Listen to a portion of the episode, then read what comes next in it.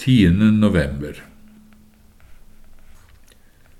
Teksten for dagen henter vi fra Første Mosebok, det tredje kapittel og det tolvte vers, og vi leser slik Da sa Adam, Kvinnen som du ga meg til å være sammen med meg, hun ga meg av treet, og jeg åt. Rosenius skriver Her kommer Adams forderv og ondskap klart opp i dagen. Han har fått et konkret spørsmål om han har syndet. Derfor kan han ikke unngå å tale om selve saken, men hva gjør han isteden? Ikke med et eneste ord antyder han noen sann erkjennelse, han søker bare å unnskylde seg. Kvinnen som du ga meg, var hele årsaken til at jeg åt. Dette er det første som kjennetegner mennesket som har falt. De vil ikke vedkjenne seg synden. De forsøker å bevise sin uskyld. Så vender Herren seg straks til kvinnen og spør, Hva er det du har gjort? Det er det samme holdning hos henne som hos Adam. Vi hører samme ordbruk hos henne, nemlig at hun er blitt ført vill av en annen. Slangen forførte meg, og jeg åt. Denne holdningen er så karakteristisk for menneskenaturen. Ja, vi finner den til og med hos de aller minste barna. Straks de har begynt å tale, når de har gjort det minste galt, prøver de straks å skyve skylden over på en annen. Vi merker det hos dem før de kan ha lært det av noen andre. Det virker medfødt, og denne vår onde natur viser seg bestandig i større og i mindre saker. Først overfor mennesker. Ingen vil selv ta skylden for noe. Ingen vil bekjenne sine feil, men skjuler og forsvarer dem, selv om de godt vet de er skyldige. Og dernest overfor Gud en vil aldri bøye seg for Guds dom og gi Gud rett, men vil alltid unnskylde og rettferdiggjøre seg selv, noe som også er grunnen til all selvsikkerhet og manglende vilje til å omvende seg, så en kan bli frelst. Og begynner så Guds lov å arbeide enda hardere på slike mennesker, ja, da stiger bare ondskapen enda mer. Da blir de til og med bitre mot Gud selv, som har gitt oss og skapt oss og gitt oss sin lov. Dette er det neste vi finner i Adams svar. Han ikke bare unnskylder seg selv, men vil til og med skyve skylden over på Herren, vår Gud. For han sier, Kvinnen som du ga meg, ga meg av treet. Her ser vi tydelig at han bebreider Gud som har gitt ham kvinnen. Ellers ville han bare sagt kvinnen eller min hustru, spesielt fordi det ikke fantes noen annen kvinne. Men han er svært opptatt av å få tilbøye som du ga meg. Derfor, sier Luther, Derfor er disse ordene fulle av vrede og uvilje mot Gud, som om han ville si, Denne elendigheten har du, Gud, kastet på meg.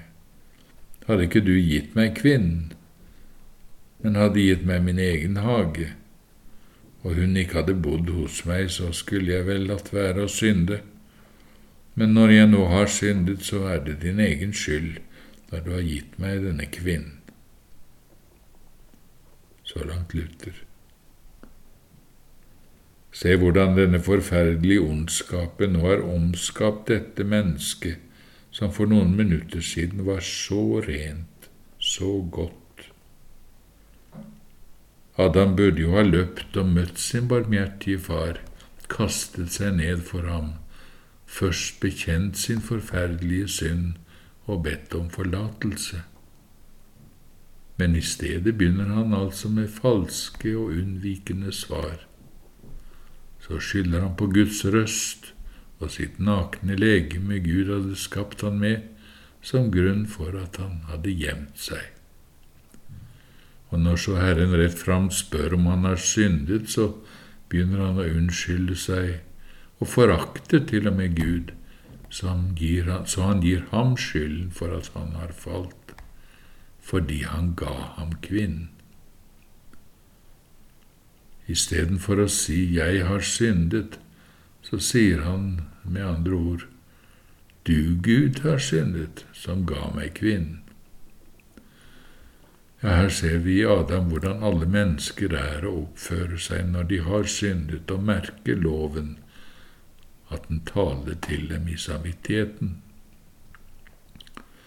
Når verken evangeliet eller en levende tro ennå har fått slippe til og har fått forandre hjertet deres. Hvis Gud hadde kunnet rope ut, Adam, jeg har tilgitt deg, jeg vet hvordan du har syndet, men jeg har forlatt deg. Det, jeg har forlatt deg din synd. Da ville Adam ydmykt angret og bekjent og virkelig forbannet sin egen synd.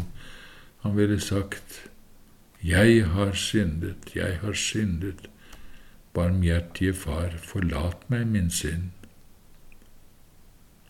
Men Adam hadde ennå ikke noe håp om å få forlatelse. Han bare kjente Guds dom over seg, frykten, redselen. Derfor var hjertet hans stengt og hardt og bittert mot Gud.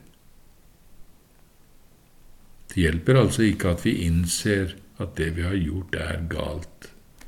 Vi er ganske enkelt ikke i stand til å forholde oss til Gud på noen annen måte enn Adam her, så lenge ikke nåden eller Guds tilgivelse har fått varme opp og ydmyke hjertet vårt. Eva så uten tvil hvor dårlig Adam lyktes med sine unnskyldninger, og burde selvsagt hatt lærdom av det. Hun burde gitt Gud ære bekjent synd og ydmykt bedt om nåde og forlatelse, men nei. Øyeblikket etterpå gjør hun akkurat det samme som Adam.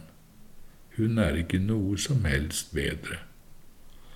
På samme måte som han skyldte på kvinnen, skylder hun nå på slangen, som jo også var noe Gud hadde skapt, som om hun ville si, Slangen som du, Gud, har skapt og latt krype omkring her, han var den som bedro meg. Slik anklaget de begge to Skaperen og unnskyldte seg selv. Og slik går det alltid fremdeles.